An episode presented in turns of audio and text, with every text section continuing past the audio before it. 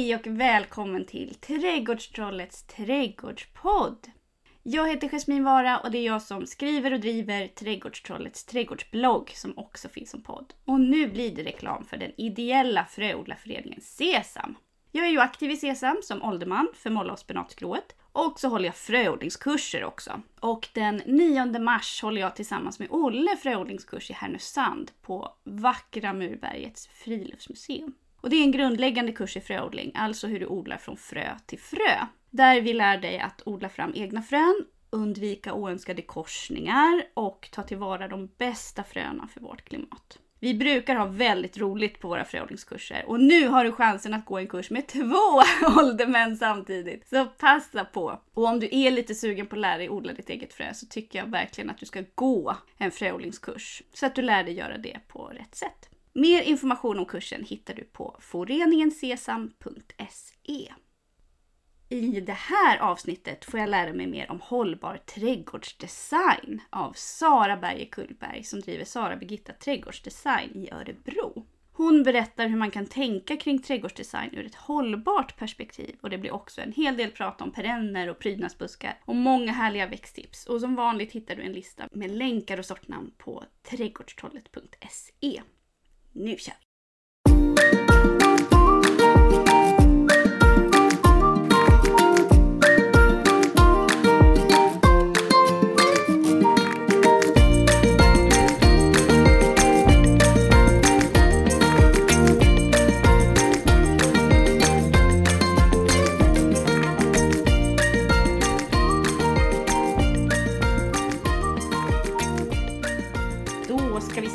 Var det dags igen.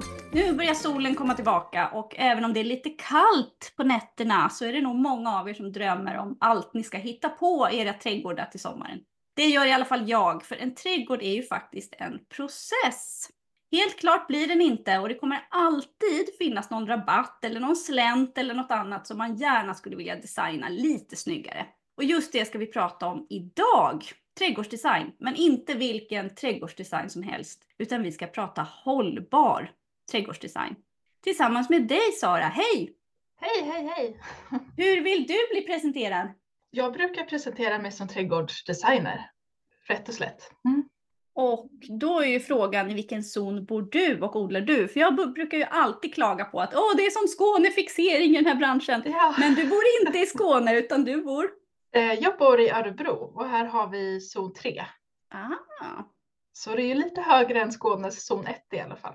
Ja, alltså jag bor i zon 4, så då är jag glad för då blir det mycket Ja. som, som du säger som jag kan Ja. applicera också. Precis. Och många växter är ju, eh, om man pratar rent växter, så går ju många som går i zon 3 går ju ofta till zon 4 också. Så det är ungefär samma växter som du och jag kan ha. Mm. Och sen eh, kan det också finnas många zoner i en och samma trädgård. Man brukar prata om Absolut. mikroklimat och sådär. Men det ska vi Absolut. komma in på lite sen. Hur ser din egen Ja. trädgård ut förresten? Är det en sån Eh. supervanlig fråga du får som trädgårdsdesigner? Ja, jag bor faktiskt i ett eh, hyres, eller jag hyr ett, en villa. Mm. Så jag har inte en helt egen trädgård än så länge. Så jag har inte, av den anledningen har jag inte gjort så mycket, jättemycket förändringar sedan vi flyttade hit. Men nu om eh, inom några månader så kommer vi eh, flytta till ett eget hus. Så att då kommer jag få min helt egna trädgård. Och Att, då eh, är det planer förstår jag. Ja, då blir det planer och då ska jag försöka vara duktig att eh, jag brukar alltid säga till nya trädgårdsägare att när man flyttar in i en befintlig trädgård så ska man ta det lugnt i början och man ska känna in platsen och känna in trädgården innan man börjar göra massa förändringar. Så det ska jag försöka vara duktig och göra själv nu, leva efter mina egna, egna råd. Så. Vad är motsatsen? Är det att folk börjar med att hugga ner träd eller liksom Ja, hej vilt? Precis, det är ju för vanligt, allt för vanligt att man eh, direkt flyttar in och tänker här är det alldeles för lite sol, ta ner alla träd som finns och Mm. sen har man en tom, tom trädgård att jobba med som inte, ja men precis, att man inte har någonting att börja med, utan man måste börja om från början. Så när du säger känna in trädgård, vad innebär det rent konkret? Alltså det är mycket, det är ju dels vad det är för, eh, alltså dels vart det känns bra att vara i trädgården, rent liksom subjektivt vart man tycker om att vara. Vilka ställen som det är, blir eh, varmt tidigt på våren, var, Mhm. vad det finns som blommar över säsongen och sen också, ja men såklart vad det är för jord. och var det, vart vinden kommer åt. Mm. Är det lerjord, är det sandjord? Vad finns det för olika faktorer som, som påverkar? Är det något jag har glömt som du har koll på? Det kommer alltid finnas sånt. Ja. Alltså gud, det finns så mycket som helst. Jag brukar säga så här.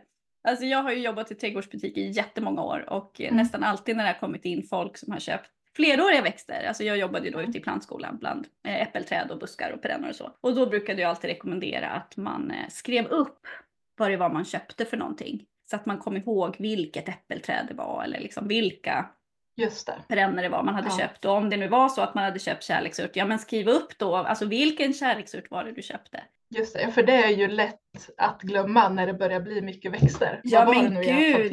för något? Och det är aldrig mycket växter i början tycker man. Man tycker alltid att det är Nej. så himla lite. Men det brukar ju finnas mycket mer där än vad man tror. Och sen om man Ja. vill kunna bygga på, för nästan alltid så gör ju folk så att de köper för lite. De köper en av någonting och sen vill de ha fler eller mer. Och jag har ju ganska många kunder så att om du knallar in och säger hej jag vill ha mer av den där som jag köpte förra året, ja då blir det svårt. då vill Ja. jag veta vad den hette liksom. Precis, ja. Och ska man då dessutom sälja sen, då är det också kul att kunna lämna över en perm kanske till nästa ägare. Så att de vet inte bara att det är ett äppelträd, utan kanske att det är ett Ingrid Marie eller vad det nu kan vara för någonting. Precis, ja det är ju jättemycket värt att veta. Ja men gud. Men eh, alltså själva trädgårdsdesign då, vad är trädgårdsdesign för någonting? Vad går det ut på? Att det ska bli fint eller någonting mer? Alltså väldigt kort sagt så handlar det om att, att planera utemiljöer och trädgårdar som är både funktionella och användbara och att de är, njut, ja, men att de är vackra och sen även lättskötta brukar de allra flesta trädgårdsägare vilja ha. Så det kan man nästan säga i grunden också. Mm. Alltså vad som är vackert kan ju såklart vara väldigt subjektivt, tänker jag. Absolut. Men om vi pratar lättskött då? Vad är det för, för skillnad på en, en, en jobbig trädgård Ja. och en lättskött trädgård? För jag kan säga på en gång att ett träd det är inte en lättskött trädgård. Nu pratar vi inte om, om stora, liksom, eh, stora verandor eller liksom stora stenplatsläggningar, utan nu pratar vi trädgård. Så, Mm. så vad är lättskött trädgård? Alltså det är många olika, mycket som spelar in i en lättskött trädgård. Men dels att, eh, ja dels handlar det om att välja, ja men att man planterar rätt växter som trivs på platsen. Mm. Så man väljer växter utifrån vilken jord och vilka förutsättningar det finns på platsen. De ska alltså inte bara överleva de stackarna, utan Nej. de ska faktiskt trivas också. Precis, och så att de, ja men om man planterar växter så vill man ju gärna, i alla fall jag, att de återkommer år efter år så att de Mm. liksom klarar av att leva där. Så det är ju en grundsten så att man inte behöver göra om och plantera om och hålla på och rensa och, och sköta om växterna helt i onödan. Det blir dyrt också om man ska hålla på och köpa nytt hela tiden. Precis, precis. Och sen så lätt sköts att man väljer att man väljer växter som inte kräver så mycket skötsel. Mm. Vill man inte, till exempel vill man inte ha en häck som man måste hålla på och klippa varenda år, kanske flera gånger per säsong, så väljer man, planterar man inte en sån häck som man måste klippa ofta, utan då väljer man något friväxande som behöver, de behöver ju fortfarande skötas om, men inte alls i samma omfattning.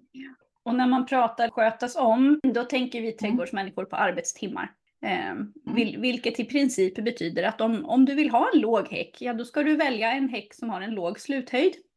Då ska Precis. du inte välja en häck som blir fyra meter hög som du måste klippa och klippa och klippa och klippa och klippa. Precis. Ja, och de växterna kanske inte heller kommer till sin fulla rätt för Mm. att när de växer fritt så får de bli så fina och vackra som de är tänkta att bli vara av naturen. Och håller man på och klipper ner dem då kanske man missar blomning eller, eller så också. Det tror jag alla vet som har en, som jag, en syrenhäck som eh, Mm. kanske inte alls borde stå där den står. Den blir ju för hög varje år så vi klipper och klipper och klipper. Och eh, Ja. hur ofta blommar den? Mycket sällan kan jag säga eftersom den blommar då på fjolårskotten. så att hade min kära sambo, jag skyller på honom för jag bodde inte här då. Hade han varit lite slugare då hade han satt dit något lite lägre från början. Precis. Så fick jag det sagt. Förlåt Anders. Precis. Ja. Ja. ja, sådär att välja växter utifrån förutsättningarna i trädgården och eh, utifrån vilken funktion de ska ha. Mm. Precis. Och det låter ju väldigt enkelt. Men det är ju inte så enkelt. För sen går man in i den där trädgårdsbutiken och man ser, oh det finns så mycket fint. Och den var fin, Precis. och den var fin, och den var fin. Och till slut så blir det en gul, en röd, en vit, en blå. Man riskerar att det blir lite sillsallad där. Vad skulle Precis. du säga är liksom det vanligaste misstaget folk gör när de ska komponera en rabatt till exempel eller komponera en hel trädgård? Ja, men det är ju just det att man väljer många olika sorter istället för att hålla sig till några få så att det blir mer harmoniskt och Mm. ett lugnt intryck. Och också att man gör alldeles, om, man, om vi pratar rabatter, att man gör för litet.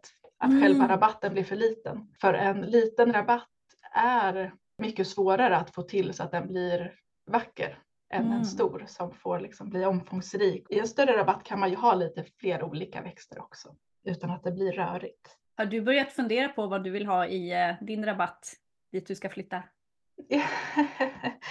jo, men jag har eh, börjat fundera lite. Det är ett, ehm, det är ett släkthus, ett hus som har funnits i släkten i 50 år och jag är Oh. delvis ehm, uppvuxen där så att jag, jag känner ju platsen redan lite grann. Så jag eh, har förstås börjat tänka.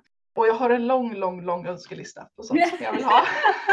Jag känner igen det där, så brukar jag också Ja. jobba. Först så skriver Ja. jag liksom upp allt som jag vill ha och sen, sen, sen, oj, sen plockar jag fram Ja. ett hjärta av sten! Och sen Ja. åker strykpennan fram. Stryk, stryk, stryk, stryk, stryk. Lättare sagt än gjort. Men ja, Ja. absolut. Verkligen. Men än så länge, jag har inte kommit så mycket att jag har valt liksom på detaljnivå vad jag vill ha. Men jag har börjat fundera lite över planering, vart jag vill ha köksträdgården och vart jag vill ha lite olika. En lund vill jag gärna ha, en, Mm. ett woodland. Det har jag drömt om länge, så där vill jag ha. Det kommer Mm. kanske att jag måste börja med det redan i år. Man kan ju alltid börja liksom, man kan alltid börja Ja. på hösten om inte annat. Det är ju Ja tacksamt. men precis. plantera och precis. fynda och då är det ju mycket som är billigare Ja. och så också. Men det är klart, alla vill ju ha en, alltså det, det låter lite som att så här, Mm. slå in öppna dörrar. Alla vill ha en snygg trädgård såklart. Det är ingen som vill ha en Ja. ful trädgård. Alla vill ha en hyfsat lättskött trädgård. Det är ingen Mm. som vill ha en asjobbig trädgård att hålla efter liksom. Precis. Men- Men, sen är ju också lättskött olika beroende på hur stort ens trädgårdsintresse är. Och hur, Absolut. vad man kan tänka sig att göra. Ja. Mm. För många har ju trädgård som, eh, som ett intresse. Och då är man mer villig att vilja lägga tid på att kanske formklippa de där buskarna i, Mm. i rabatten. Man vill ha lite klot eller så. Och sen andra vill, mycket barnfamiljer, de vill, de vill ha en robotgräsklippare och sen vill de inte behöva göra någonting mer. Nej, och de vill ha goda saker att stoppa i munnen och inga giftiga Ja. grejer liksom. Ja. Mm. Precis, precis. Och så får de en chock när man berättar att det finns hur mycket giftiga saker som helst i deras trädgård redan. Då håller de på att svimma. Pioner och rabarberblad och, Ja. och allt vad det är för någonting. Och tujor som man kan få blåsor av. Och Precis. morotsplast som man inte ska gnugga på armarna och allt vad det kan vara för något. Precis. Men på tal om det här med lättskött trädgård så har jag faktiskt på min blogginlägg ett helt, ganska långt blogginlägg med tips på hur man skapar en lättskött trädgård. Mm, och när du säger blogg, var hittar man den då? Ja, den hittar man på sbträdgårdsdesign.se eller Mm. tradgardsdesign.se blir det väl. För du heter ju Sara Berger Kullberg. Men Ja. ditt företag heter inte så, utan på Instagram Nej. heter du vad då? Mitt företag heter Sara Birgitta Trädgårdsdesign och på Instagram heter jag Sara med H på slutet. Punkt Birgitta. Mm. Så där kan man absolut surfa in om man vill ha lite Ja, lite mer kött på benen. Det är väldigt, väldigt pedagogiska inlägg där kan jag tipsa om just apropå design. Tack, tack. Det är jättekul att höra. Mm. Vad var det du hade tänkt säga om ditt inlägg där? Lättskött var temat. Ja, det finns ett inlägg med tips på tips för en lättskött trädgård där det finns massa Ja, dels det här som jag har pratat om att välja rätt växter, men Mm. också lite mer mindre det- detaljer som är bra. Som att man till exempel ska undvika stora ytor med grus. Mm. Många tycker att grus är så snyggt, men det är inte lättskött. Utan där måste man ju hålla efter regelbundet för att inte, inte ogräsen ska ta sig och slå rot ordentligt. Ja, och jag tycker också att det är väldigt intressant när man pratar om, apropå ytor, stora ytor. För det är många som säger, att jag Mm. orkar inte sköta så mycket, så vi gör gräsmatta istället. Ja, Och då tänker jag, ho, därför att ehm, inom skötselanläggning, då är ju gräsytor är något av det mest kostsamma man kan ha. Mm. För det, oj oj, alltså gräs eh, är inte bara gräs av sig självt utan det ska klippas och det ska vattnas och det ska gödslas och det ska klippas igen och så vidare och så Ja. vidare. Så att eh, ja, eh, vad är egentligen det billigaste man kan ha i sin trädgård? Oj, vilken... eh, Det finns nog många, men ja, alltså min erfarenhet i alla fall, det är riktigt låga mattbildande perenner. Ja, på sikt. Alltså det är klart att det är billigare att knalla in på en kedja och köpa en säck med gräsfrö liksom, ja, kortsiktigt. Men i skötsel, i underhåll, i arbetstimmar på sikt, då kommer gräsmatta kräva en del. ja. Eh, Och sen kan man ju också tillägga att låga marktäckare, eller ja, det beror ju förstås på vad man tycker är fint, men eh, det är ju lite mer liv och händer lite mer i en yta med marktäckare än, än i en gräsmatta. ja. Och som du säger, det krävs mycket skötsel för att få gräsmattan att vara, att vara fin och inte bara se slarvig och tråkig ut. Mm. Apropå det här med eh, lättskötta växter, just när man pratar om tid. Formklippta växter är ju ett jättebra exempel på sånt som tar tid. det kan ju vara väldigt fint med formklippta växter. Eh, men om det nu är så att man gillar formklippta växter jättemycket, de här runda formerna, men att man inte ids hålla på och klippa, då finns det ju faktiskt växter som växer runt av sig själv som man kan välja. Precis, Så att man behöver inte välja bort allting Ja. som man kanske tror. precis. Bland annat finns det ju många eh, låga, runda tuja, tujabuskar. Och jag är egentligen inte, jag är inte jätteförtjust i tujahäckar. Men de här små klotformade buskarna, Mm. de tycker jag är riktigt fina och passar väldigt bra. De planerar jag ofta in i eh, planteringar för kunder som inte vill lägga så mycket tid på skötsel och just formklippning. Mm. Danica och Teddy och allt vad de heter, det finns så många. Precis, Tiny Team, det finns många. Mm. Mm. Och om vi pratar då hållbar trädgårdsdesign, vad är det som gör det hållbart då? Vad är skillnaden på vanlig trädgårdsdesign och hållbar trädgårdsdesign? Alltså, det är ju ett hållbarhet, det är ju ett väldigt brett och kanske lite urvattnat begrepp. Men som jag tänker det så är det att skapa trädgårdar som inte bara är vackra och funktionella utan också ekologiskt hållbara. Mm. Och det handlar bland annat om att man eh, arbetar långsiktigt, att man skapar en design med växt, både växter och material som kommer vara kvar länge och att man gör val som eh, både gynnar naturen, den biologiska mångfalden och vår hälsa, Mm. alltså vår egen hälsa. och vad blir det rent konkret då? Hur kan man Ja. göra det rent konkret? Precis. Det finns tre begrepp, som, eller tre, en liten minnesregel som man brukar prata om. Det handlar om att minska, återbruka och återanvända. Så då vill man minska konsumtion och vattenanvändning, minska skötsel, användning av be- bekämpningsmedel och så vidare. Mm. Och också minska hårdgjorda ytor.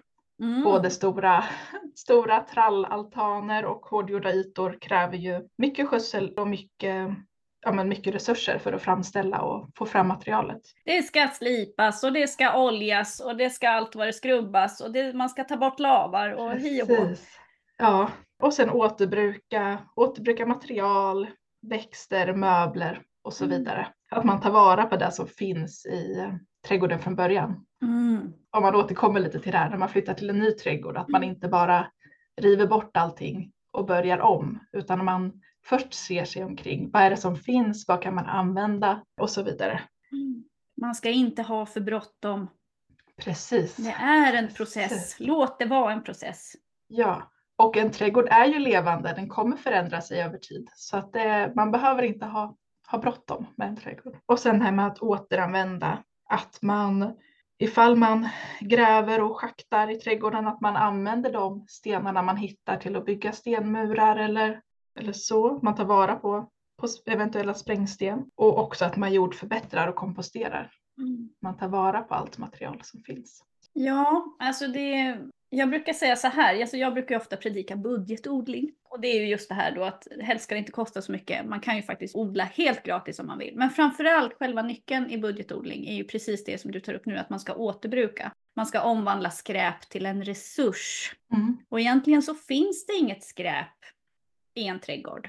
Om du klipper din häck då kan du använda de här kvistarna som du har klippt bort till att bygga nya bäddar eller till att flisa och lägga på en gång Mm. eller någonting. Om du rensar ogräs då kan du omvandla det till gödselvatten eller täckodla med det och så vidare och så vidare. Det finns egentligen inga skräp i en trädgård. Om det nu inte är så att man har en superliten minimal trädgård som kanske inte ens har plats för en kompost. Men, men jag tycker alltså, är det något man ska satsa på så är det kompost. För kompost är ju hjärtat i en trädgård. Jag håller helt och hållet med. Det finns ingen anledning att köra iväg gräsklipp och löv och klipp från häckar för att sedan åka och köpa jordsäckar och jord Nej, alltså just det där med löv är ju, och sådär. det är ju så totalt, jag vet inte, totalt felslut. Det är säkert många som gör så här. Det är höst, folk räfsar löv, ner med löven i säckar. Och sen åker de iväg med dem till kretsloppscentralen och slänger dem. Och sen åker de Mm. iväg till en kedja och köper då jord på säck, vilket egentligen inte ens är jord utan det är gödslad torv med jättekort hållbarhet. Och så åker de hem med det. Jättejobbigt. Istället så tycker jag man ska spara sina lövsäckar om man har möjlighet att ställa dem någonstans där de inte tar så mycket plats. Man vattnar ner lite i säcken och stänger säcken. Man kan göra hål i botten om man vill. Och sen så får de stå där tills det blir jord. Tills det blir lövmull helt enkelt. Precis. Och beroende på, det tar ju olika lång tid för olika löv. Men det tar ju Absolut. inte, det tar ju inte lång tid. Ett par år så har man ju fin jord sen. Ja, och jag då som har en väldigt stor trädgård med en stor lada där jag får plats med många sådana där säckar. det är perfekt för mig. Jag har dessutom en jättestor lönn. Så det blir jättemånga säckar för mig. Det är helt fantastiskt. Men det är inte alla som har så stor trädgård. Och då kan det vara svårt för att man ska förvara det någonstans. Men någonstans tror jag nog man kan hitta alltså. För hur Ja. kul är det att släpa på de där torvsäckarna från affären? Alltså hur kul Nej. är det? Nej. Nej, Och inte på tal, om, på tal om löv, man måste ju inte heller samla ihop dem i säckar. Man kan ju lägga dem i sina tallkragar, sin odling, kratta in dem under buskar, Absolut. täcka perennrabatterna med dem på hösten. Man kan täckodla med dem. Det finns så mycket man kan göra med löv. Löv är Ja. en fantastisk gratisprodukt Ja. alltså. Precis, där har vi en till anledning att ha lite mer planterade ytor än gräsmatta. För då har man någonstans att lägga, lägga löven under vintern. Ja men verkligen. Men om jag nu har en, en trädgård här nu som jag har bott i några år då. Och jag är inte riktigt nöjd. Därför att nästan alltid brukar det vara så här. Nu blir det en grov generalisering, men den stämmer ofta så jag drar den ändå. Don't hate me, skicka inga hatmejl till mig nu. Min erfarenhet är att när folk köper ett radhus till exempel, med en trädgård, så har det ofta bott en äldre människa där. Lite för länge som inte riktigt har orkat hålla efter trädgården på slutet. Saker och ting har inte riktigt skötts om. Äppelträden har blivit för vuxna, tujorna har blivit för stora och börjat äta upp brevlådan och så vidare och så vidare. Inflyttar då en eh, glad barnfamilj till exempel. Som tycker att det är väldigt kul med trädgård, men som kanske inte har så mycket tid eller kunskap. Och eh, det första de brukar tycka och tänka är att det ser lite duttigt och pluttigt ut. Det står en pion där borta i gräsmattan, det är lite Mm. perenner här. Där har det nog varit en rabatt, men det är ganska stora hål i den. Det är nog saker som har dött Mm. där och så vidare och så vidare. Alltså hur ska man, vad ska man börja? Var ska man börja? När man väl börj- ska börja göra någonting. Ja, nu har de bott där i ett år. De har liksom hunnit Ja. känna in allting. Mm. Var ska de börja, tycker du? Då tycker jag att man ska börja med att fundera över vad, då får familjen fundera över vad vill de ha trädgården till? Mm. Hur vill de använda trädgården? Så att de eh, funderar på, behöver vi ytor för, för lek? Vad vill Spela vi ha? fotboll, man kanske vill ha en gräsmatta. Precis, det kanske man vill. En liten bit gräsmatta i alla fall. Och sen att man börjar, man utgår från det som finns. Växter kan ju flyttas, inte stora träd, men andra växter kan ju flyttas. Så att man utgår för dem, från de pionerna och de buskar och de allting som finns. Och att man börjar jobba med det och sen kan man komplettera med, med växter så att man återskapar de här vackra rabatterna som säkert en gång har funnits men att växterna har dött efterhand när de inte har fått skötsel eller att de helt enkelt inte är så långlivade. Mm. Så om jag nu har en rabatt här då till exempel, en hållbar rabatt vill jag ha, men den ser inte så hållbar ut nu. Finns det några så designregler jag Mm. ska tänka på om vi liksom gör det lite mindre? Ja, om vi börjar Ja. med typ en entrérabatt eller någonting nu. Vi, Mm. vi är en barnfamilj, vi har flyttat in, vi bestämmer oss för att vi vill ha det lättskött, vi vill kanske ha ett grönsaksland med grejer vi kan äta, vi har barn, det ska inte vara så giftigt. Men vi Mm. börjar med en rabatt. Finns det några designregler de ska tänka på då? Så att det inte blir sillsallad av alltihop tycker du? Ja, det finns lite olika knep som man kan tänka på. Dels som jag nämnde förut att man vågar tänka stort. Att man Mm. vågar göra en tillräckligt stor rabatt så att man lättare kan skapa liksom en, en vacker rabatt. Och sen så brukar man prata om att minimera, gruppera och repetera. Oh, Att- vad betyder det? Då minimera, att man ska minimera antalet växtsorter så att det inte blir rörigt och plottrigt och att man grupperar samma växt i alltså flera plantor av samma växt och gärna minst fem eller sju i varje liten Mm. grupp. Och ett, man brukar säga att man ska gärna ha ett ojämnt antal plantor för det ger ett mer naturligt intryck. Och sen att man repeterar växterna så att de återkommer på flera olika platser i, i rabatten. Och det är ju också smart om man sen kommer på att oh fasken, jag borde ha gjort rabatten ännu större.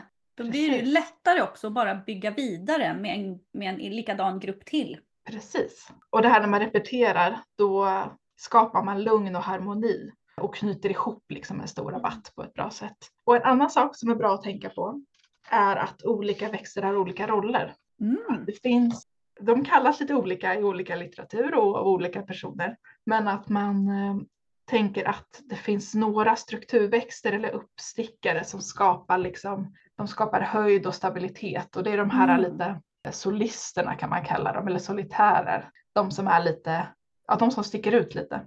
Så att de börjar man med att placera ut i rabatten. Och sen så kompletterar man med bävar eller utfyllnadsväxter som inte i sig, alltså på egen hand så säger de inte så mycket. Men i en rabatt så hjälper de till, liksom de, de skapar det här bra, eh, hjälps åt att eh, knyta ihop de olika växterna och hålla samman rabatten. Som ett exempel kan man säga då att som en, en sån här primadonna skulle då till exempel kunna vara rosor. Precis. Och vävarväxter skulle då till exempel kunna vara brudslöja. Om ni föreställer er den där klassiska buketten som man ofta har på bordet. Mm. Föreställ och tänk er den i en rabatt istället. Och jag tror att jättemånga glada trädgårdsägare gör misstaget att de stoppar i bara primadonnor. Ja, För de knallar runt där hos mig i trädgårdsbutiken och då har ju jag såklart, eftersom jag är en säljare, jag har liksom Mm. maffat upp här nu och gjort en buffé med liksom snyggingar. Och då är det ju nästan bara sådana här primadonnor som folk väljer för det är de som Ja. är så i ögonen fallande. ja. Och då blir det ju också lite rörigt. Det blir så här, vart ska jag fästa blicken? Det finns, finns så mycket fint, men vad ska jag kolla på egentligen? Så de här utfyllnadsvävarna, de är ju de är jätteviktiga för att skapa det här lugnet och harmonin. Och, Ska vi dra några exempel på vävarväxter? Jag tänker på kalaminta till exempel. Det är en sån här klassiker som kanske inte ser så spännande ut i sig, men som tillsammans med annat kan bli jättefin. precis. Och nepeta, kantnepeta, olika daggkåpor.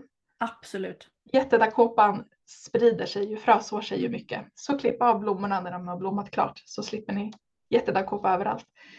Eh, och olika nävor, fina vävare. Jättetacksamt. Och nävor får ju också väldigt fina färger på hösten. Alltså bladen blir röda på hösten. Just det. Mm. Och vissa är ju, eh, vissa nävor är vinter, eh, har gröna blad också kvar på Oh, vintern. också trevligt. Ja. Så att sådana här småblommiga historier med liksom luftigt växtsätt som en sky sådär. Det är ju sådana här klassiska vävarväxter. Om vi ska dra några sådana här typiska uppstickare då. Jag tänker på typ kransveronika kanske. Ja, Det precis. finns en supersnygg och, sort som eh, heter lavendelturm, eller turm. Ah. Det tyska kan jag varmt rekommendera. Och eh, höstsilverax. Oh, snygg. Doftar gott också. Ja, precis. De kommer ju lite senare dock, men det är värt att vänta på. Mm. Höstanemonen är ju vacker också. Jag tänker också på en sån här klassiker, om man tycker att det är svårt det här med eh, vackra stora uppstickare och vävarväxter, om man tycker det är lite svårt, då fick jag lära mig av en eh, väldigt duktig florist. Hej Martina! jag vet att du lyssnar. Eh, hon brukar alltid prata om knappar och spiror. Alltså knappar, lite rundare växter. Att man kombinerar till exempel då solhattar, trevlig perenn som finns i massvis med olika färger, med eh, till exempel då steppsalvia som har avlånga blommor, alltså spiror. Precis. Så att Mm. inte alla blommor har samma form, för då spelar det ingen roll, då kommer de ändå flyta ihop sen. Precis, så att man får lite eh, kontrast också. Kontrast Precis. är ju viktigt, både i färgkontrast och formkontrast. Mm. En till, eh, en till eh, växtgrupp som man kan ha i rabatten är ju kantväxter och marktäckande Oh. växter. Man kan rama in, precis. Precis. Och det kan ju låta lite tråkigt ofta, för då tycker på men gud, ska jag köpa så mycket lavendel? Eller ska jag köpa så mycket kantnepet eller vad det nu kan vara för någonting? Men då kan man faktiskt gå lite bananas på insidan om man gör det, därför att det knyter ihop säcken. Verkligen Precis. gör det det. Har du några favoritkantväxter som du brukar använda? Jag tycker om lunn alunroten, den rödbladiga. Mm. Så använder jag ofta kantnepetan. Den tycker jag är väldigt fin. Det är extra kul med den är att den alltid är fylld med vin. Hemma hos mig i alla fall. Så att det, är, det är jättehärligt. Eller katter om man... Nu ska man komma ihåg Ja, här nu att nu pratar vi om precis. kant nepeta, alltså nepeta ex faseni. K-A-N-T, kant nepeta. Men katter älskar den också. Ja, Katter älskar ju extra mycket alltså det man brukar kalla för kattnepeta och det är då nepeta cataria. Men kantnepetan är lite vackrare. Så att eh, om man nu måste välja så tycker jag man ska ta kantnepetan. ja, precis. Men olika sorters alunrot är också fina kantväxter. Nävor, lite lägre nävor. Mm. Stenkyndel. eh, är ju både en vävarväxt och kan... Jag skulle vilja slå ett slag för isop. Därför att eh, isop är eh, oftast, i alla fall om man är en snål budgetodlare som jag, Mm. isop är ofta mycket billigare än till exempel lavendel. Ja, Så att, men det påminner lite om lavendel i uttryckssättet. Det är liksom som en korsning mellan lavendel och kantnepeta eller vad man nu ska säga på håll så. Man får lite samma känsla. och den är också ganska tacksam att så själv. Mm, det har jag aldrig provat, det borde jag göra. Tack för tipset. Så då får man ännu lite om man vill eh, antingen man vill hålla nere priset eller kostnaderna eller om man bara tycker det är roligt att så Mm. och få se sina egna växter växa fram. Nej, men kantväxter är otroligt, otroligt tacksamt Mm. alltså. Och sen har vi ju det här med tid. Och det är här jag tror att, att det kan bli lite paradoxalt för många och svårt att förstå. Särskilt när man har kort tid på sig att berätta om, om trädgårdsdesign och, och hur man designar en rabatt just i en trädgårdsbutik. Därför att nu har ju vi liksom sagt så här att man ska, man ska tänka på strukturen, man ska kombinera knappar och spiror, man ska ha primadonnor och så ska man ha vävarväxter. Eh, Det ska bli vilsamt, det ska vara mycket av samma, men det ska inte vara för många olika sorter. Men sen vill man gärna ha en lång säsong. Man vill ju gärna att rabatten ska vara fin hela tiden. Precis. Och då kanske smyger sig in lite fler sorter. Men det kanske inte gör någonting därför att de blommar inte samtidigt. Precis. Då kan man ju också, om man tänker på lång, lång blomning, att man vill ha någonting som blommar hela tiden, så får man ju inte glömma vår, vårlökarna. Ja. Att man kompletterar med olika typer av narcisser, både Mm. påskliljor och andra. Det finns ju många, många fina påsk Mm. eller narcisser som kanske ofta, eller jag brukar förespråka narcisser och fleråriga tulpaner för att, just för att det ska bli mer hållbart och de ska återkomma år efter år. Och sen kan ju vissa inte ha tulpaner för att rådjuren bara kommer att äta Ja. upp dem. Och om man nu har sådana där rådjur som har en motorväg genom ens trädgård, vad ska man ha istället då, istället för tulpaner? Ja men då har man narcisser Mm. istället. För de är giftiga helt enkelt, de Ja. äter inte dem. Det har inget att göra med färgen på tulpanerna. Du kan sätta hur många gula tulpaner du vill, de kommer käka upp Ja. i alla fall tyvärr. Precis. Eller så kan man, eh, om man väldigt gärna vill ha tulpaner, då kan man ju försöka på olika sätt att spruta med sån här, eh, vad är det det heter, trikogarden. Ja, precis. Men då får man ju göra det så att de Ja. inte kommer. Sätta upp olika skydd. Ja, och det är inte så himla snyggt med nät alltså. Nej, det Nej. är ju inte det. Nej, Och det är inte så billigt med Trico Garden heller, för du ska ju inte bara spruta Nej. en gång vill jag bara säga. nej, Så att, nej. eh, vill man tänka då hållbart, då väljer man något som de inte äter precis. Just ja, det har ju jag faktiskt glömt bort att, att lyfta här nu. Ehm, för nu pratar vi hållbart trädgårdsdesign. Hållbart över tid. Och det innebär ju att vi faktiskt pratar väldigt mycket om fleråriga växter, alltså perenner. Ja, Och ehm, om man då vill ha någonting som blommar hela sommaren, då är det kanske egentligen sommarblommor man ska köpa, alltså ettåriga växter. Därför att de blommar hela sommaren, det är därför folk köper dem. Ja. Men sen får man ju då köpa nya. Men sen finns det ju vissa perenner som blommar ovanligt länge. Mm. Och som framförallt då kanske blommar om. Om man klipper ner dem när de har blommat Precis. över. Har du några sådana favoriter? Jag älskar ju steppsalvia till exempel. Det är min, åh, min absoluta älskling. ja, och nu kommer jag nämna kantnepetan igen. Mm. För den eh, kan man också klippa ner och få en till blomning. Eh, jättedagkåpan också kommer igen. Vissa typer av nävor blommar Mm. väldigt länge Mm. och kan klippas ner för att blomma igen. Har du några att lägga till? Nej, alltså, du har ju sagt mina favoriter. Ja, Och det kan också vara kul att, att nämna därför att det kan låta lite så här som att vi tjatar om samma växter hela tiden. Och det är för att vi gör det. Vissa klassiker är klassiker av en anledning helt enkelt. Um, kärleksört till exempel låter inte så himla spännande när man säger kärleksört. Usch, det är en begravningsblomma säger folk. Den vill jag inte ha i min trädgård. Men det finns ju så himla många olika versioner, alltså sorter, Ja. namnsorter av kärleksört. All kärleksört är inte den här rosa herbstfreude liksom, utan det Nej. finns ju vit kärlek, kärleksört, det finns lila kärleksört, det finns rödbladig kärleksört Ja. och så vidare och så vidare. Och likadant faktiskt med till exempel då den här steppsalvian som jag älskar att tjata om. Därför Mm. att det finns ju lila steppsalvia och det finns blå steppsalvia och det finns vit steppsalvia och det finns och det finns och det finns och det finns höga och det finns låga och allt vad det finns. Precis. Så att det behöver inte vara så enahanda som man kanske tror. Och om man ändå tycker att man vill busa till det lite, då kan man ju alltid dra till med en rödbladig växt.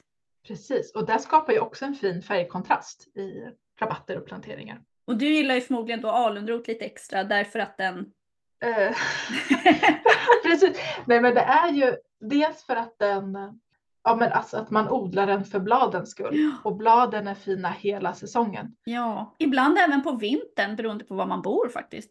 Precis. Eh, Och jag har faktiskt en alunrot i eh, kruka utanför våran entré. Och den, Mm. den, jag trodde att när nu efter den här snön då kommer den ju se helt, helt död ut. Men den är fortfarande fin. Men när vi pratar om bladväxter så är ju det också andra tacksamma bladväxter är ju funkian som också är en återkommande favorit. Men som tyvärr är väldigt omtyckt av sniglar. Mm. Alltså det är ju så, allting som vi människor kan äta, och vi kan faktiskt äta funka, det gillar ju andra djur också att stoppa i Ja. munnen. Så enkelt är det. Och det som rådjur inte brukar härja på så mycket, det är ju det som är taggigt giftigt eller smakar Mm. tvål. Eh, lavendel till exempel smakar ju tvål och steppsalvia smakar tvål. Och, alltså, så att det finns Mm. en poäng i att välja de här doftande klassikerna.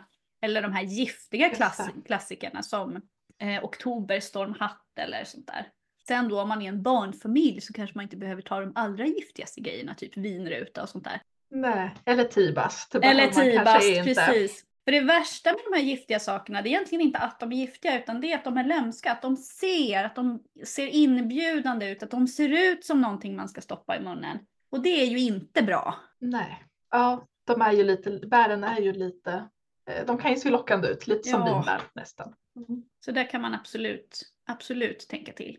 Ja. Men eh, finns det något sånt här specifikt tips som du har för att om man nu vill få till den här pricken över iet i en rabatt? Något tips som liksom tar min rabatt från en bra och fin och liksom hållbar okej rabatt till en wow herregud hjälp jösses vad snygg den är. Finns det något sånt litet så här supertips som kan liksom tweaka en okej rabatt till en jättesnygg rabatt? Jag skulle säga att vi har varit inne och nosat lite på, på de, de grejerna. Men att det här att man väljer växter med olika roller och att man tänker på det här minimera, gruppera och repetera. Mm. Och att man tänker på kontrasterna. Och att eh, när det gäller kontraster, både färg och form som vi Mm. nämnde innan. Och att man inte ska, man ska inte välja 50 om vi säger gult eller orange och blått. Då ska man inte ha 50% blåblommande och 50% orange. Utan man, för då blir det ju ingen kontrast, då blir det ju Mm. bara hälften hälften. Utan man kanske, kanske har 80-20 av de Ah. olika så att man får det liksom att eh, sticka ut mer Mm. än att bara flyta ihop. Jag har ju ofta fått lära mig det här med, eller ofta, de Mm. brukade ofta prata om det på trädgårdsutbildningarna. Det här med treklang. Alltså att man ska välja två färger som är lite samma. Typ man kan ha mörklila och ljuslila och sen en färg som Mm. bryter, typ orange. Mm. Hur skulle du tänka med fördelningen av procenten där, typ? Då tänker man ska ha två olika, eller två liknande och sen en. En avbrytarfärg av. liksom. Mm. Skulle du ha 20% av avbrytarfärgen orange? Ja. Eller hur skulle du liksom Jo, men jag skulle nog välja 20, runt 20 procent, liksom den kontrastfärgen och sen, ja, men sen 40-40 av de andra. Mm. Men inte tänka. lika mycket, Ja. exakt lika mycket av alla, för då blir det Nej. liksom platt. Alltså det, det händer inget. Nej, precis. Nej. Och sen att man tänker på det här med att man vill ha både högt och lågt och man Mm. vill ha för att få liksom lite liv i, Lite i dynamik. Ja, precis. Vad är ditt bästa tips om någon kommer och säger, frågar efter dina bästa tips för att skapa en riktig wow-plantering? Mm. Alltså det första jag brukar säga eller fråga efter är precis det som du har sagt, alltså vad har du på platsen? Mm. Och då brukar det bli, ja det är den och det är den och det är den och det är den och det är den och det är den och det och då blir jag så här, ho! Um, Okej, vilka fem favoriter har du då? Och då är det ofta fem favoriter som kanske inte alls är så fina ihop. Därför att precis som du säger, det första jag brukar säga är, oh men då måste vi ta bort lite. Det, alltså less is more faktiskt. Mm. Eh, less is more. När man ska designa en rabatt, det funkar lite som att sjunga i kör. Alla står inte och skriker samtidigt, utan vi sjunger i stämmor. Och det är samma tanke i en rabatt, alltså blomningen ska avlösa varandra. Man kan inte bara ha primadonnor som sjunger solo hela tiden, utan vi behöver ha några primadonnor, några som sjunger bakgrundsstämman och sen när de inte orkar längre, när de börjar blomma över, då kommer någonting annat som avlöser och som tar över. Och jag är ju en sucker, alltså jag älskar ju gult och orange. Eh, och jag Mm. vet att det är typ så bara jag och äldre gubbar som brukar göra det, för folk tycker det är så mycket 70-tal. Eh, men det kan bli otroligt fint. Man behöver inte ha så mycket, man kan ha lite grann. Och eh, jag älskar ju de här röda bladen, precis som mycket av det som du har nämnt. Höstsilverax har ju förvisso vita blommor men de kommer så sent på säsongen. Och de, det är nästan svartröda blad. Det brukar vara jättefint att kombinera med någon orangeblommande växt och sen har man en lila kör i olika toner till exempel. det. Det tycker jag är jätte, jättefint. Ja. Det enda som jag personligen har lite svårt för, jag har jättesvårt för gulbladiga växter. Mm. Därför att jag är så arbetsskadad, jag har jobbat för länge i den här branschen. När jag ser Ja. gulbladiga växter då tänker jag att de har näringsbrist, att de har Mm. kvävebrist. Så jag blir jättestressad. Och likadant med såna här um, ormhassel, Corylus avellana, som har vridna grenar, korkskruvsgrenar Ja. och vridna blad. Därför att när jag Då går tänker du att det är något angrepp av något? Ja, Ja. jag tänker nu är det lös. Nu är det lös, Ja. tänker jag. Ja. och det spelar ingen roll om Ja. den har stått där i 20 år. Jag, varje gång jag går förbi, jag blir så stressad. Ja. så det funkar inte med mig. Men just det här med gulbladiga växter har jag förstått att många, det är inte generellt i Sverige så är vi inte så förtjusta i gulbladiga växter. Det är mycket större i till exempel England som är en väldigt stor trädgårdsnation.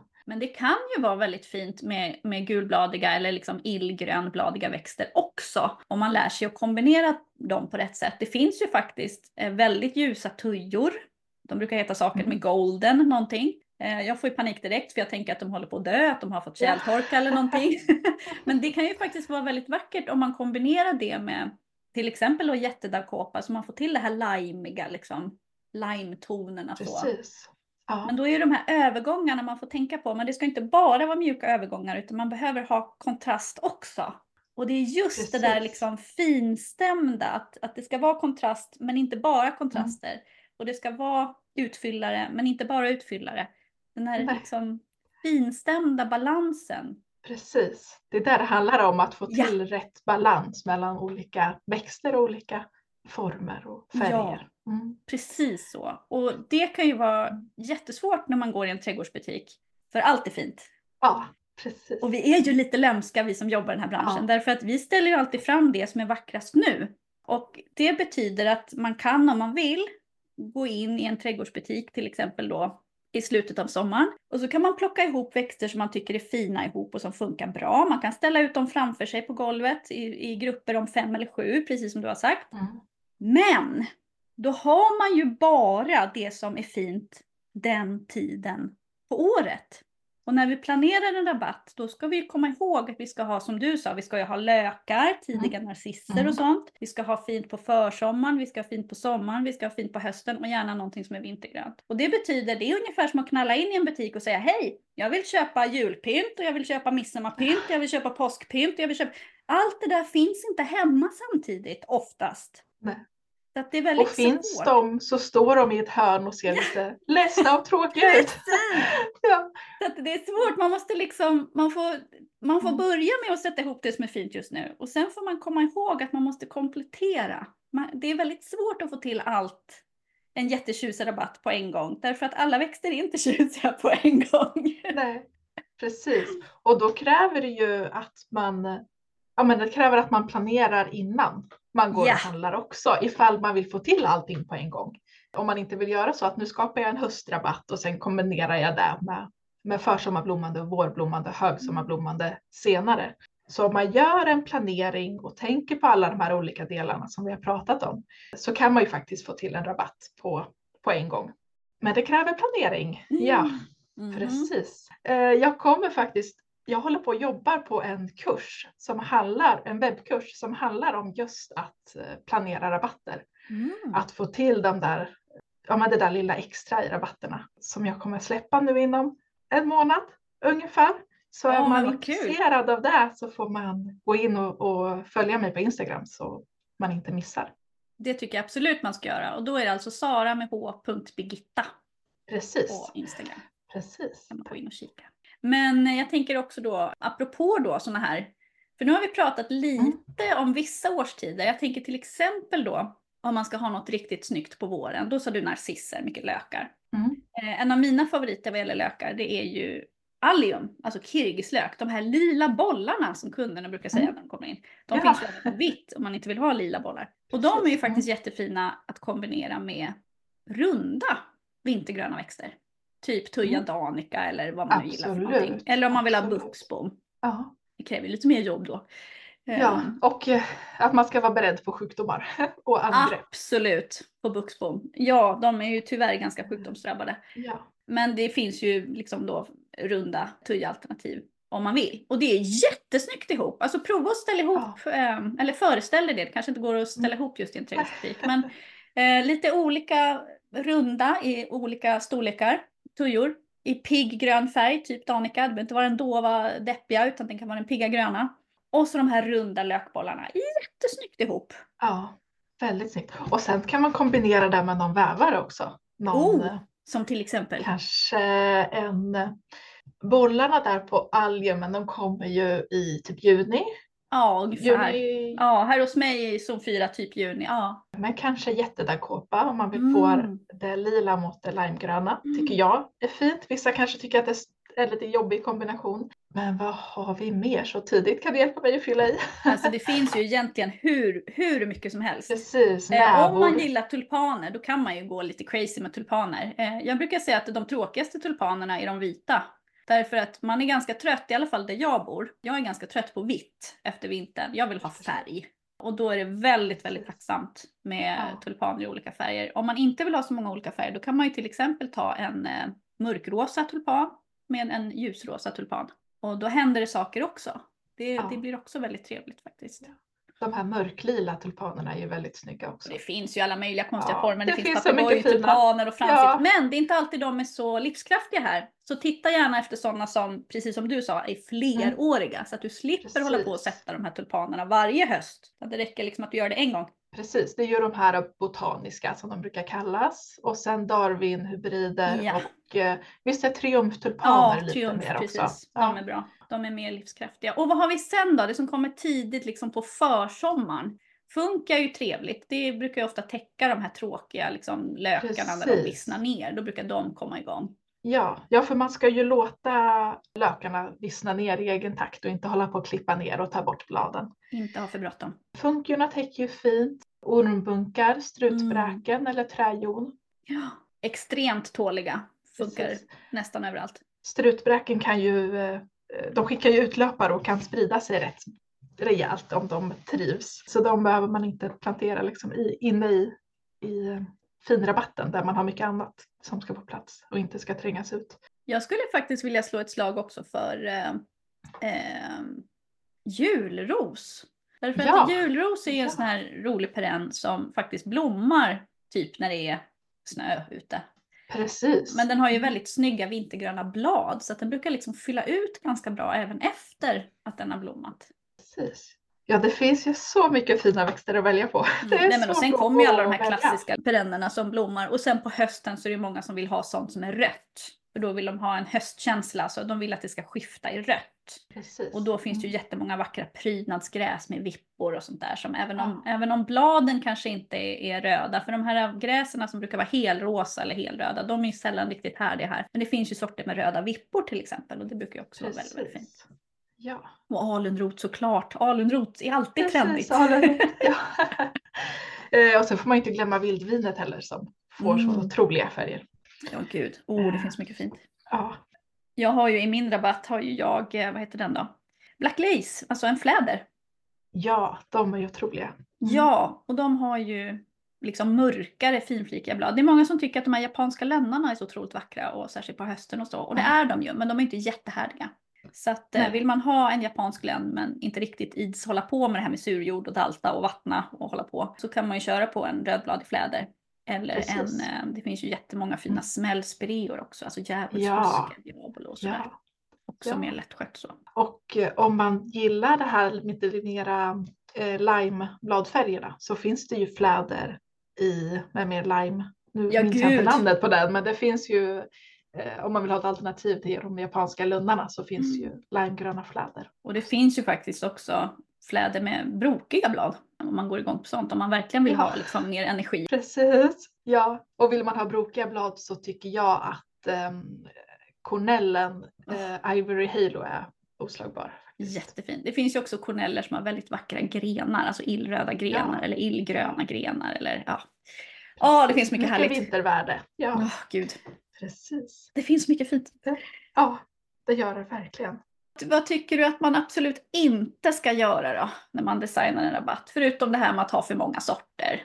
Eh, Mm. Det ska inte vara samma höjd på allting. Det ska vara lite olika höjd. Det Nej. ska ha lång blomning. Finns det något mer man ska tänka på som vi har glömt att säga? Skötsel, ska de gilla samma, samma vatten, lika mycket vatten, lika mycket näring? Finns det något annat man ska tänka på? Ja, Jag liksom väljer växter till den här platsen, för då kan jag inte bara ta allt jag tycker är fint. Hur ska jag tänka då? men precis. Att man utgår från, som vi nämnde lite i början, som vi pratade om i början, att man väljer växter utifrån platsen. Man, väljer in, man kombinerar inte en, vad ska vi ta, en, en lavendel som vill ha torrt med en eh, funkia som vill ha fuktig Mm. jord. Utan man väljer efter läge och efter jord i första hand. Jag, eller jag gör alltid det. Jag börjar alltid med vad, är det för, vad finns det för förutsättningar på platsen och i trädgården. Och sen går jag över på utifrån platsen, vad kan jag välja för växter? Mm. Och det är bra, för då blir det ju, då smalnar det av och folk vill inte göra det, för men då blir det så lite att välja på. Ja men det är väl Ja. jättebra att det blir lite Ja. att välja på. Det är mycket lättare att välja. Det väl, då blir det mycket lättare. Precis. Ja. Men jag vill slå ett, jag har ju sagt att man ska våga stort, att man inte ska ha för litet. Men det är ju lite luddigt att bara säga så. Så att jag tycker att man ska ha minst en meter djup rabatt, gärna mer, gärna uppåt en och en halv. För att, för nu är det många som sitter och skruvar på sig och tycker Ja. att det är jättejobbigt. Mm. Jättes- Då får man plats med mer olika och man kan lättare skapa en vacker plantering. Och vill man ha många olika växter så kan man komma undan med det lättare i en stor rabatt än i en liten rabatt. Och sen kan den vara lite längre också, gärna tre meter lång gånger en och en halv. Ja. Man kan ju stoppa i trampstenar om man tycker det är svårt att nå och liksom sköta. Precis, Man ska helst inte trampa smart. runt på växterna. Liksom. Nej, och inte trampa till jorden i onödan heller så att man trycker till och skadar strukturen i jorden. Och då är det ju många som tänker så här, oj, men en sån där stor rabatt, ja det blir dyrt. Eh, måste det vara så dyrt Mm. att eh, göra en rabatt? Måste man köpa färdiga planter? Nej, man kan så och man kan dela. Mm. Om man känner någon med en trädgård, om man har den turen att man gör det, så vissa perenner behöver ofta, eller behöver regelbundet delas för att de växer och de blir lite, de mår bättre av om de, om de delas regelbundet. Och det är ett jättebra tillfälle att byta växter eller att få växter av någon man känner. Hålla koll på eh, olika sådana här köp och säljgrupper. Finns det ibland folk som lägger ut att de Och vill vad växer hos grannen egentligen? Du kan ju spana över din hektar och se vad är det som trivs hos grannen? Ja, men det trivs säkert hos dig Precis. också. Ja. Nej, man kan ju faktiskt också om man är Ja. ehm, om man är snål och har lite halvbråttom, för budgetodling som jag ofta brukar tipsa om, det går ju ofta ganska långsamt. Det är en nackdel med budgetodling. Om man ska Mm. så allting själv från frö, ja då kommer det ta längre tid än om man köper färdiga plantor. Såklart. Ja. Men sen finns det ju sådana här fantastiska sorter som faktiskt sprider sig själva. De, de självsår sig. ja. Du har redan nämnt jättedaggkåpa till exempel. Men det finns ju många fler. Vallmo till exempel är otroligt tacksamt och lätt. Vad har vi mer? Fingerborgsblomma är otroligt Ja. tacksamt och lätt att så till Precis. exempel. Och är man då lite, man har lite halvbråttom men har inte liksom råd att köpa allting klart. Så ja men köp en planta då. Och sen låter du den självså sig. Du, låter, du, du är inte där och klipper för snabbt utan du låter, du låter den blomma färdigt. Du låter fröna mogna i toppen. Och sen så gör du gör en liten kastsådd runt om du inte låter den så sig själv helt enkelt. Det är otroligt tacksamt. Ja. Och då blir det också ganska snabbt mycket av samma, precis det som är en av de här gyllene reglerna. Precis. Och det, när det blir för mycket i den rabatten, då kan man skapa en till rabatt. och sprida ut dem. För det är också ett bra designknep om man går ifrån den enskilda rabatten och sen Mm. vill, vill tänka lite större. Att man, eh, en sak man kan göra för att hålla ihop trädgården så att det inte känns, ja, så att det känns mer som en helhet och inte rörigt runt om i trädgården är att man man har samma växter som får återkomma på flera platser i trädgården. På tal om det här med att visst använda växter som självsår sig och att det kanske blir för mycket till slut i rabatten så kan man använda dem på andra ställen i trädgården. Som en röd tråd, Precis. eller vad man nu vill kalla det för. Mm. Ja, omtalade röda tråden. Har du några säkra kort som du nästan alltid använder? Några sådana här älsklings kompispolarväxter som du liksom nästan alltid föreslår? Turar använder jag, föreslår Ah. jag mycket. Prydnadsgräset turar. Prydnadsgräset turar. Mm. och ja, egentligen i alla planteringar, alla typer av planteringar. Men eh, den är väldigt fin tillsammans med blodtopp. Den här Ah. lilla, lilla röda små, eh, vad kan man kalla det? Röda små toppar. Ja, små mini-ax eller vad man nu ska säga. Ja, precis. Som liksom känns som att de svävar lite inne bland gräset. Tycker jag de är väldigt fina tillsammans. För ja, ja, personligen är jag väldigt förtjust i de här naturalistiska, lite prärieliknande Mm. planteringarna som Pete Odolf som är så, om det är så man säger hans namn vet jag inte. Men Mm, jag tror det. Det är han som har designat Drömparken i Enköping, Salviafloden, Drömparken i Enköping. Precis, ja. Och Ulf eh, Nordfjell som är en svensk eh, trädgårdsdesigner. De, de eh, jobbar mycket med det här naturalistiska och mycket Mm. prydnadsgräs kombinerat med olika perenner. Så det är jag väldigt eh, förtjust i personligen. Så där försöker jag smyga in lite i kundträdgårdarna. Och också det här som du lyfter med stadsegröna klot. Och både tillsammans med allium som du nämnde och också med yviga perenner som kanske vårälväxing eller stenskyndel som liksom det här formstarka tillsammans med det här lite mer yviga. Mm. Ja, och många av de här prärieplanteringarna är ju faktiskt också väldigt lättskötta. Så att det Precis. finns ett skäl till att de ofta återkommer i sådana här sammanhang, att man liksom tjatar om dem. Där, Mm. Det är för att de är lätta för, för eh, kunderna att lyckas med helt enkelt. Precis. Man klipper ner dem på våren, ger lite gödsel och sen kommer de troget år efter år. Ja men visst, absolut. Nej, det är fantastiskt. Om man ska tänka tvärtom då? Eh, vilka växter gillar vi inte? alltså jag har ju redan sagt att jag har svårt för de här med bruna Ja. blad och de här gula bladen. Och det är alltid, sånt där är ju alltid personligt liksom. Ja, Har du några sådana där som du ogärna skulle vilja ha i din trädgård? ja men tujahäcken som jag nämnde innan. Jag tycker att de eh, ofta är de inte så snygga. De är inte så jag. välskötta och då Nej. blir de inte så snygga. Helt korrekt. Precis, det är det att de, de kräver sin eh, skötsel och sin beskärning regelbundet för att bli täta tujahäggar tycker jag. De är jättesnygga. Men de här som blir liksom eh, oklippta och oskötta, nej, Mm. då har jag svårt för dem.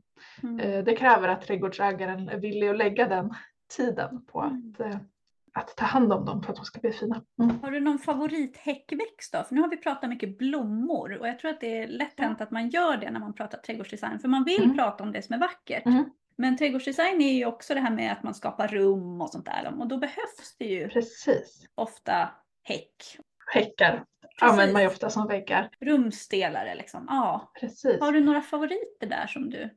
Jag tycker att id- idegran, hybrid, hybrid idegran är det ju vi Mm. använder här uppe Mm. som är är härdig här. De tycker jag är väldigt eh, snygga.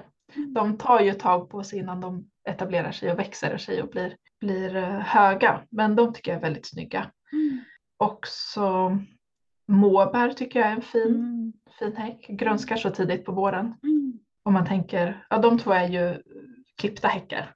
Och om friväxande häckar, om man vill ha en hög och rejäl häck så tycker jag häggmispen är väldigt fin. Mm. För den blommar ju väldigt fint på våren, rätt så Mm. tidigt. Vita små skyar av, av eh, blommor. Eh, och sen har de fin höstfärg också. Aronia är ju också ett sånt där som många... Ja, Ja, de, det är många som blandar ihop dem för de har också bär och, eh, och röd färg då på hösten. Finns även om Precis. man vill ha lite lägre om man inte vill, så, vill ha så högt. Kan man köra ja på det. de är ju jättesnygga. Ja. Nästan lite läderartade blad. Ja. De har mörka, mörkgröna bladen. ja men verkligen. Nej, och jag tror också det här med häck, därför att så fort man säger häck, kunderna bara åh vad tråkigt. Ja. Eh, men egentligen häck är ju egentligen, egentligen så är ju häck bara alltså, buskar på rad. I Mm. teorin, I teorin så kan man ju göra häck av precis vad som helst. I praktiken så väljer man ju ofta vissa sorters buskar för att de har de egenskaper man vill ha. Till exempel att de blir väldigt täta eller att de växer fort eller att, Precis. att de blir väldigt enhetliga eller någonting. Men, men i teorin så kan man ju göra en, om man vill, om man inte vill ha en, sån här, en, en vanlig liksom, enhetlig häck. I Sverige så har vi mycket enhetliga häckar. Det är nästan Mm. det som är synonymt med häck liksom, i Sverige. Men i Danmark där är man mycket mer eklektisk. Där kan man ha lite tre, fyra olika i sin häck. Liksom. Nu är det kanske inte så vi jobbar i Sverige men Nej, men man kan ju liksom göra en ätbar häck om man vill. Det behöver inte vara Precis. skådebröd utan det kan ju vara till exempel då aronia eller det kan vara vinbär på rad eller det kan vara pelaräppelträd på rad eller någonting. De blir inte så Precis. höga. Ja, det föreslår jag rätt så ofta eh, att man, om man har plats och utrymme, eh, att man använder sig av blandbuskage Mm. med blommande buskar som blommar vid olika tillfällen Ja. under säsongen. Oh, det Så måste vi får ta man- några också. Några riktigt så här härliga, gud, har du några Mm. favoriter av klassiska liksom buskagebuskar som blommar fint? Har du några favoriter? Smällspirean är ju fin. Hortensian Annabelle är ju väldigt Ja, eh, otroligt populär och vacker. Stora, bolliga, liksom köttiga jädra blommor som fotbollar nästan. Ja. Ja, och sen eh, vad var det jag tänkte på alldeles nyss? Det försvann. Björkspirea om man vill ha en lite lägre häck eller en lägre buske så är ju björkspirean som heter Tor är ju väldigt Mm. fin. Den blommar ju helt översållad med små golfbollstora blom, Mm. blommor på försommaren. Och också jättefin höstfärg, röd Mm. höstfärg. Ja, gud, nej, det finns så mycket fint. Vi Ja. eh, har ju jasmin här. Ja, Och då säger jag alltså Ja. skärsmin, S-C-H stavas Mm. det. Skärsmin, det är inte jag som har talfel. Utan eh, när man pratar om jasmin, precis som jag heter, då pratar man egentligen om en kläng eller klätterväxt i Sverige. Mm. Och det är inte den jag pratar om nu, nu pratar jag om busken som doftar så gott. Och det finns i olika versioner och jag är ju extra förtjust i den här smultronjasminen. Den blir inte så hög och den doftar jättegott. Eh, vad blir den? En och en halv Mm. kanske. Eh, vita blommor som doftar underbart. Så himla fin och trevlig. Jättefin att kombinera också med den här vitbrokiga kornellen för övrigt om man vill, Just, om man vill göra just det. det. Ja. Alltså det måste ju vara väldigt svårt. Alltså jag vet ju så här, nu sitter jag själv här och pepprar dig med frågor så här, vad är din Mm. favorit och vad använder du då? Lalla. Och det är jättesvårt att svara på det för man har ju så många favoriter. Precis. Dels många favoriter och dels beror det ju så mycket på läge och platsens Ja. förutsättningar vad man väljer. Så att det är favoriter för olika lägen också. Ja.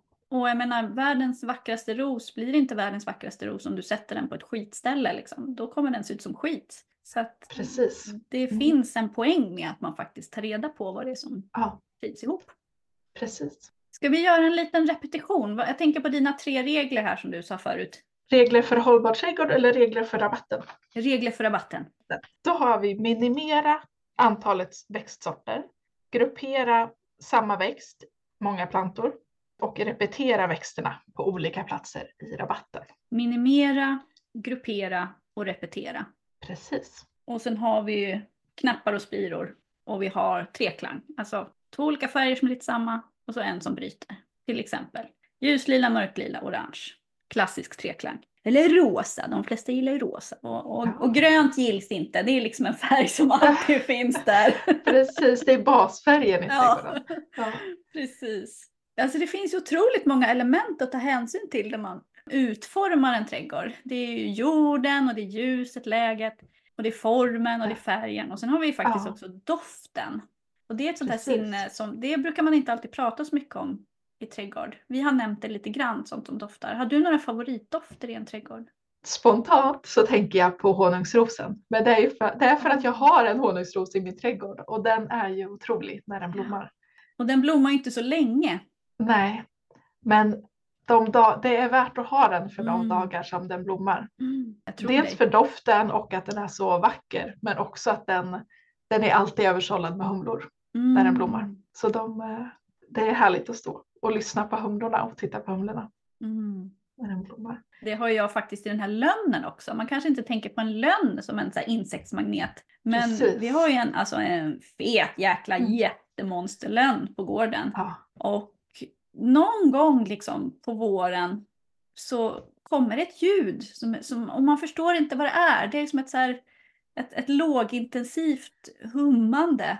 Och när man öppnar ytterdörren då fattar man, men gud, det är ju, det är ju, det är ju insekter i lönnen. Och det låter... Alltså det, det är helt sagolikt.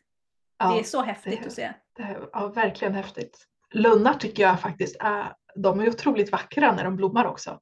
Och när bladen slår ut och de är så här ljusgröna och hela Mm. liksom ett, en stor stor lund som är alldeles ljus, ljusgrön tycker jag är otroligt vackert. Ja, och det där med att man ska liksom servera insekterna, det är ju också en del av Mm. hållbarheten faktiskt. Att man får till det där. Precis. Och oj, det finns en miljon sådana växter. Vad ska vi nämna då? Temynta till exempel, älskar de ju. Ja, Kantenpetan, Kantenpetan. en klassiker. Solhattar Precis. älskar de ju, de är helt vilda i det. ja. Lavendel Och- såklart i alla dess former. Fingerborgsblomma, Ja. stockros. Stockros, Eh, absolut. Man kan säga att nästan alla blommor som är öppna, inte precis. fyllda blommor, då kommer de liksom inte åt godsakerna eller vad man ska säga. Öppna precis. blommor är bra. Mm. Och det kan man tänka på, precis, om man gillar, om man vill ha rosor så kan man ju tänka på många av de här nya lite moderna sorterna, de är ju fyllda. Men välj gärna några sorter som är, har öppna blommor också Mm. så att eh, insekterna kommer åt. Och så är de väldigt fina också, de öppna också, de enkla blommorna också. Ja, gud, sen finns det ju många buskar, salix och sånt där som blommar tidigt på säsongen som de gillar också såklart. Ja, Om man verkligen är jätteintresserad av det här med pollinerare och så, då kan man ju faktiskt läsa på lite. Och då kan man försöka välja sådana växter som både ger nektar och pollen. För det, det är extra bra Ja. För våra pollinerare. Sådana listor finns det en miljon på, på Precis. internet. Man kan gå in och kika. Men de är otroligt tacksamma. Kleja gillar de också till exempel. Ja gud, det finns mycket. just det. Ja, det finns hur många som helst. Precis. Och när man tänker på insekter också och pollinatörer och nyttodjur så ska man ju inte bara tänka på att de ska ha något att äta utan man kan tänka boplatser också. Att man lämnar lite, dels sätter upp eh, insektshotell men också att man lämnar delar av trädgården lite vild och lite rufsig där de kan, där de kan bygga bon. Och sen att man eh, har lite vatten så att de har att dricka också, inte bara att äta. Mm, vi ska inte städa för mycket i våra trädgårdar. Precis. Det ska vara lite lagom. Men eh, du tar ju emot eh, bokningar, bokningar, vad säger man? Uppdrag Ja, helt enkelt. Om man vill boka dig, om man tycker Precis. men det här låter ju jättekul men gud vad svårt, det där orkar jag inte göra själv. Jag vill ha hennes hjälp, hur gör man då? då går man in på min hemsida. Du får gärna Yes. upprepa den. Ja, sbtradgardsdesign.se och där kan man dels läsa om vilka olika tjänster jag har. Jag har eh, lite olika. Dels så har jag råd, trädgårdsrådgivning som man får vid ett tillfälle och det går att få både på plats i trädgården här i runt Örebro där jag håller till och digitalt. Och det är om man vill ha, ja men det är cirka två timmar och det då får man beskriva i förväg vad det ungefär vad det är man vill ha råd kring vad man har för utmaningar i trädgården och det passar ju om man har liksom en specifik eh, grej som man vill, vill ha råd kring. Och sen har jag olika typer av designpaket som jag, där man får trädgårds, trädgårds, där jag gör trädgårdsritning och planerar växtval och växtkomposition och så vidare. Och också inte, nu har vi pratat mest om växter idag, Mm. men eh, det handlar ju, trädgårdsplaneringen och trädgårdsdesign handlar ju mer om, eh, om mer än bara växter, utan det handlar ju om formgivning av hela trädgården och olika rum och Mm. olika typer av väggar och tak och Och funktion, vad vill jag göra med min trädgård? funktion. Precis, det är ju där, där man utgår från. Det är där jag utgår från. Vad kunden vill ha sin trädgård till och eh, eh, vad, det, vad platsen har för förutsättningar. Och sen också olika hårda material, vad man vill ha för, om man vill ha markmaterial eller en, ja, vad man vill ha för typer av uteplatser och så också. Och min erfarenhet är ju att alla vill ha hjälp med sin trädgård. På sommaren kan man boka dig året runt? Måste man bara boka på sommaren eller kan man boka när som helst? man kan boka när som helst och gärna på eh, hösten och vintern. Mm. För då har jag mer tid att, eh, att jobba med designuppdrag. För på sommaren så gör jag en del praktiska trädgårdstjänster och så också. Så att det finns mer tid på vintern och hösten. Så där kan man kontakta när som helst. Men det börjar rulla in eh, lite förfrågningar nu faktiskt. Mm. Så fort solen börjar skina och Ja. snön börjar smälta så tror jag så. folk, ja precis. Då får man Då feeling. trädgårdssugen. Ja. Det finns ju ofta på um, trädgårdskedjor, vi behöver inte nämna några namn, men många trädgårdskedjor har ju såna här färdiga rabatter eh, som de erbjuder. Mm. Alltså typ att de har gjort en, en stor skiss på en rabatt och så står det liksom under exakt vilka växter och Mm. exakt hur många plantor och sådär. Och så Okej. kallar man det för Mm. olika saker. Det kan vara Mm. eh, cottage dream eller någonting så. Eller höstfägring eller någonting. Eh, vad tänker du om sådana färdiga lösningar? Apropå det här med att varje, eller varje rabatt, varje trädgård är unik och varje kund har unika behov och sådär. Så jag tror att de ändå fyller, fyller ett syfte på något sätt.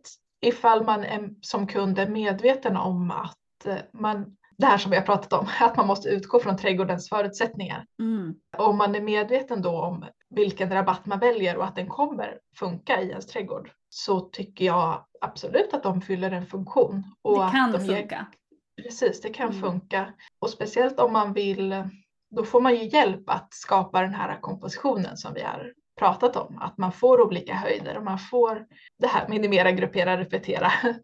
Förhoppningsvis om det är en så planerad rabatt. Mm. Men man får en stomme att utgå ifrån. Ja men precis. Och då kan man ju kanske utgå från en sån och sen eh, arbeta vidare med den. Ja men precis. Tyckte man inte om just den växten, ja men byt ut den mot något annat då. Mm. Precis. Man får lite guidning i hur man kan plantera sin rabatt. Mm. Vad har du för erfarenhet av sådana? Jag tycker att det är väldigt olika därför att ibland tycker jag att de är väldigt bra. Och ibland tycker Mm. jag att de är väldigt eh, ojämna. Mm. Därför att någon, någon, alltså en kritik mot branschen här nu. Väldigt ovanligt. Eh, nej, jag brukar kritisera branschen ganska hårt. Jag älskar trädgårdsbranschen. Jag tycker att det är en fantastisk bransch, men den har sina begränsningar. Och en sån begränsning är, tycker jag, att eh, när de här färdiga rabatterna marknadsförs på stora kedjor. Eh, och då vill jag bara poängtera att de här stora kedjorna är ju då internationella. När man marknadsför samma rabatt i olika länder som har väldigt olika zoner och väldigt olika eh, odlingsförutsättningar helt enkelt, så funkar det inte lika bra. Det kan vara en bra mall, men det finns nästan alltid, eller i alla fall sorgligt ofta, med en eller två växter i den där rabatten som helt enkelt inte är härdig norr om Skåne. Så, om man får vara lite elak. Ja, och då blir det ju väl, det blir ju en, en, en falsk trygghet för kunden som köper att nu köper jag en rabatt här och den kommer vara så fin och den kommer bli så bra. Och sen Precis. så överlever det inte. Och sen kanske 80-90% av den där rabatten blev bra. Mm. Men just det här att man inte anger zon, det tycker jag är Ja. ett problem. Jag tycker Just att det är ett jätteproblem alltså. Ja, Och sen är det också lurigt därför att eh, nu pratar man ju om att göra om zonkartan och hi och hå. Alltså Sverige är ju indelat i åtta zoner. Ju högre upp i de här zonerna du bor, ju, ju kallare har du det. Ett eh, Skåne typ. Åtta är väl är det fjäll. Eh, ja, Ja. väldigt kallt i alla fall. Och eh, det finns ju vissa perenner som är väldigt härdiga. Men sen finns det också namnsorter av de perennerna som inte alls är särskilt härdiga.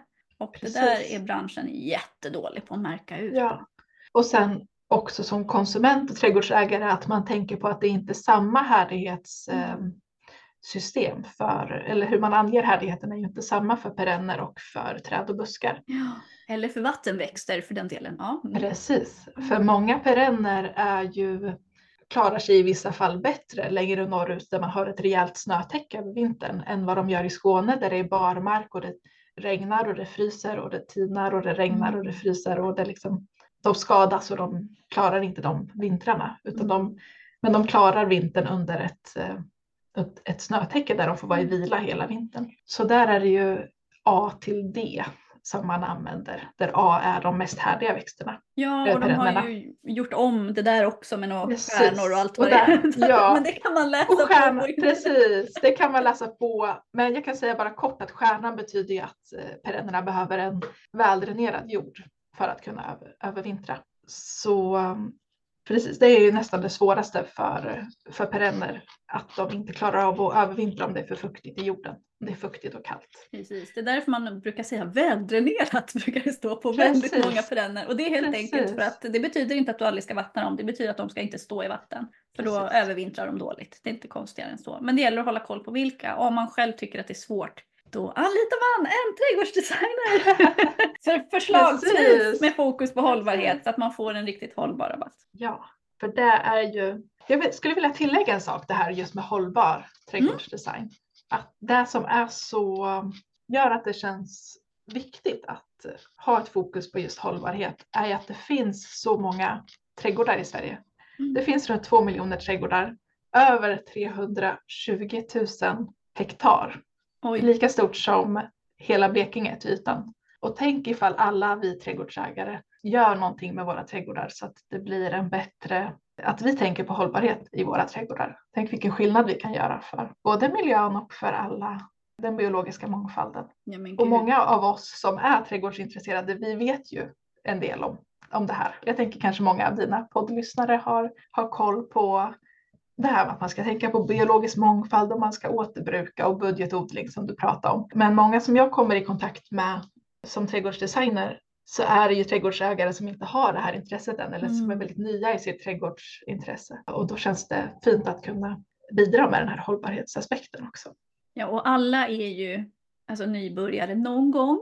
Man blir aldrig fullärd. Nej. Så att eh, man ska inte vara rädd för att ställa de dumma frågorna som trädgårdsägare Verkligen tycker jag. inte. Därför att de är sällan så dumma som man tror. Nej. Och det är ingen som flyttar in i ett hus med trädgård för första gången som vet exakt hur allt funkar och exakt när man ska beskära sitt äppelträd och exakt när man ska börja gödsla och exakt när man ska sluta gödsla och, och allt vad det nu är för Precis. någonting. Så att, Ja. Verkligen. Det, och, och jag menar, alltså, gud, det är ju helt svindlande när man tänker på det här som du berättar om hur stort det är. Tänk om alla började göra egen jord och inte behövde köpa. Tänk om alla slutade använda gift. Tänk Ja. om alla hade en plätt med växter som hade både nektar och pollen. Tänk om, tänk om, tänk om. Alltså vilka fantastiska effekter det skulle kunna ge. Ja, verkligen. Ja, nu har vi pratat ganska länge här om hållbar trädgårdsdesign. Är det någon fråga som du tycker jag har missat? Jag brukar ju alltid avsluta med, med samma fråga till alla mina gäster.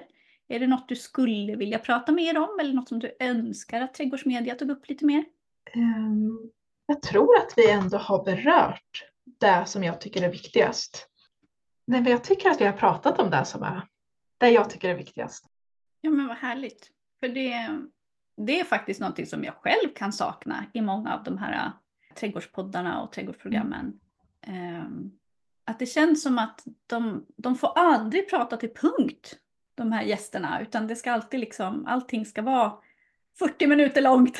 De måste klippa bort liksom så mycket och alla pratar med andan i halsen. Och, och ja, jag vet inte, det, det är ett trädgårdsprogram som, eller radioprogram som jag själv har tyckt mest om att lyssna på när jag gått runt och skrotat i trädgården och, och jobbat i trädgården och fixat och grejat. Det är Odla med P1. Brukar du lyssna på det? Ja, det brukar jag lyssna på också. För den, men den skulle inte, det ska läggas ner. Ja, det har väl redan lagts ner, Ja, så vitt jag vet. ner. Så att nu är det slut med det, tyvärr. Ja, För där upplevde jag ändå att de fick, det var en, en kör av röster och, och experter och jag upplevde att de Mm. faktiskt fick prata till punkt på ett sätt som, och det var ett väldigt skönt tempo som jag verkligen uppskattade. Så att jag kommer sakna Odla med P1 ja, jättemycket. Hur tänkte ni? Hur tänkte ni på Sveriges Radio? Jag vet att man måste spara, jag vet det. Jag vet att det inte är ni själva som vill det här, jag förstår det. Men hur tänkte ni? precis. jätteupprörd faktiskt. Eh, Jag tycker Ja. att det är så sorgligt att man lägger ner Ola med P1. Jag tycker att det är jättesorgligt att det är jättemycket sådana här äh, trädgårdsbloggar som läggs ner. Det är väldigt många program, trädgårdsprogram som inte får förlängt. Ola med P1 försvinner, Balsgård läggs ner. Alltså det, är- det är så mycket och jag blir lite upprörd. Dels som privatkonsument för att jag gillar att lyssna på Mm. Ola med P1. Men också för att det går ju på tvärs med hela Sveriges livsmedel, alltså livsmedels... Vad heter det? Pro, nej, produktion, livsmedelsproduktion? Nej, Nej men man har alltså livsmedelsplan typ. Ja. Eh, nu står det still i mitt huvud. Eh, men alltså man har i princip alltså en, ett, ett önskemål eh, från statens sida. Och det är att fler ska odla mer. Det är det som är målet, att vi ska få en bättre livsmedelsresiliens. Och det kan man få på många olika sätt, bland annat genom att fler ska odla mer, även privatpersoner.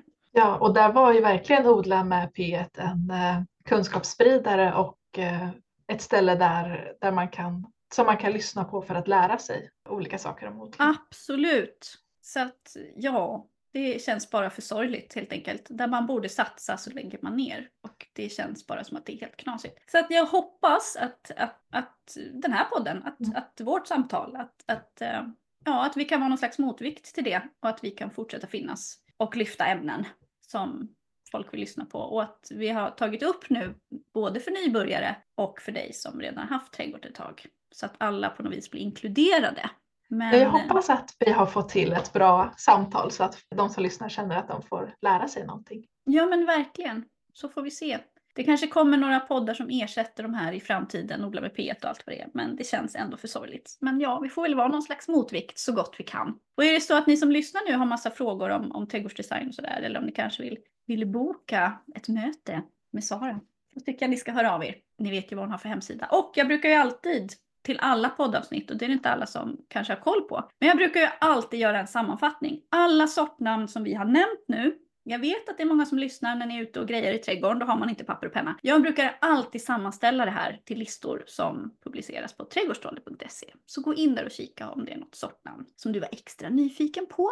Ja, tack för denna gång säger jag. Vi har ju aldrig träffats på riktigt, men jag hoppas Nej. att vi gör det förr eller senare. Kanske på trädgårdsmässan i vår. Ja, det vore roligt. Mm. Ja, det vore superkul. Du får ta hand om dig tills dess. Tack Ha det detsamma. Mm. Hej!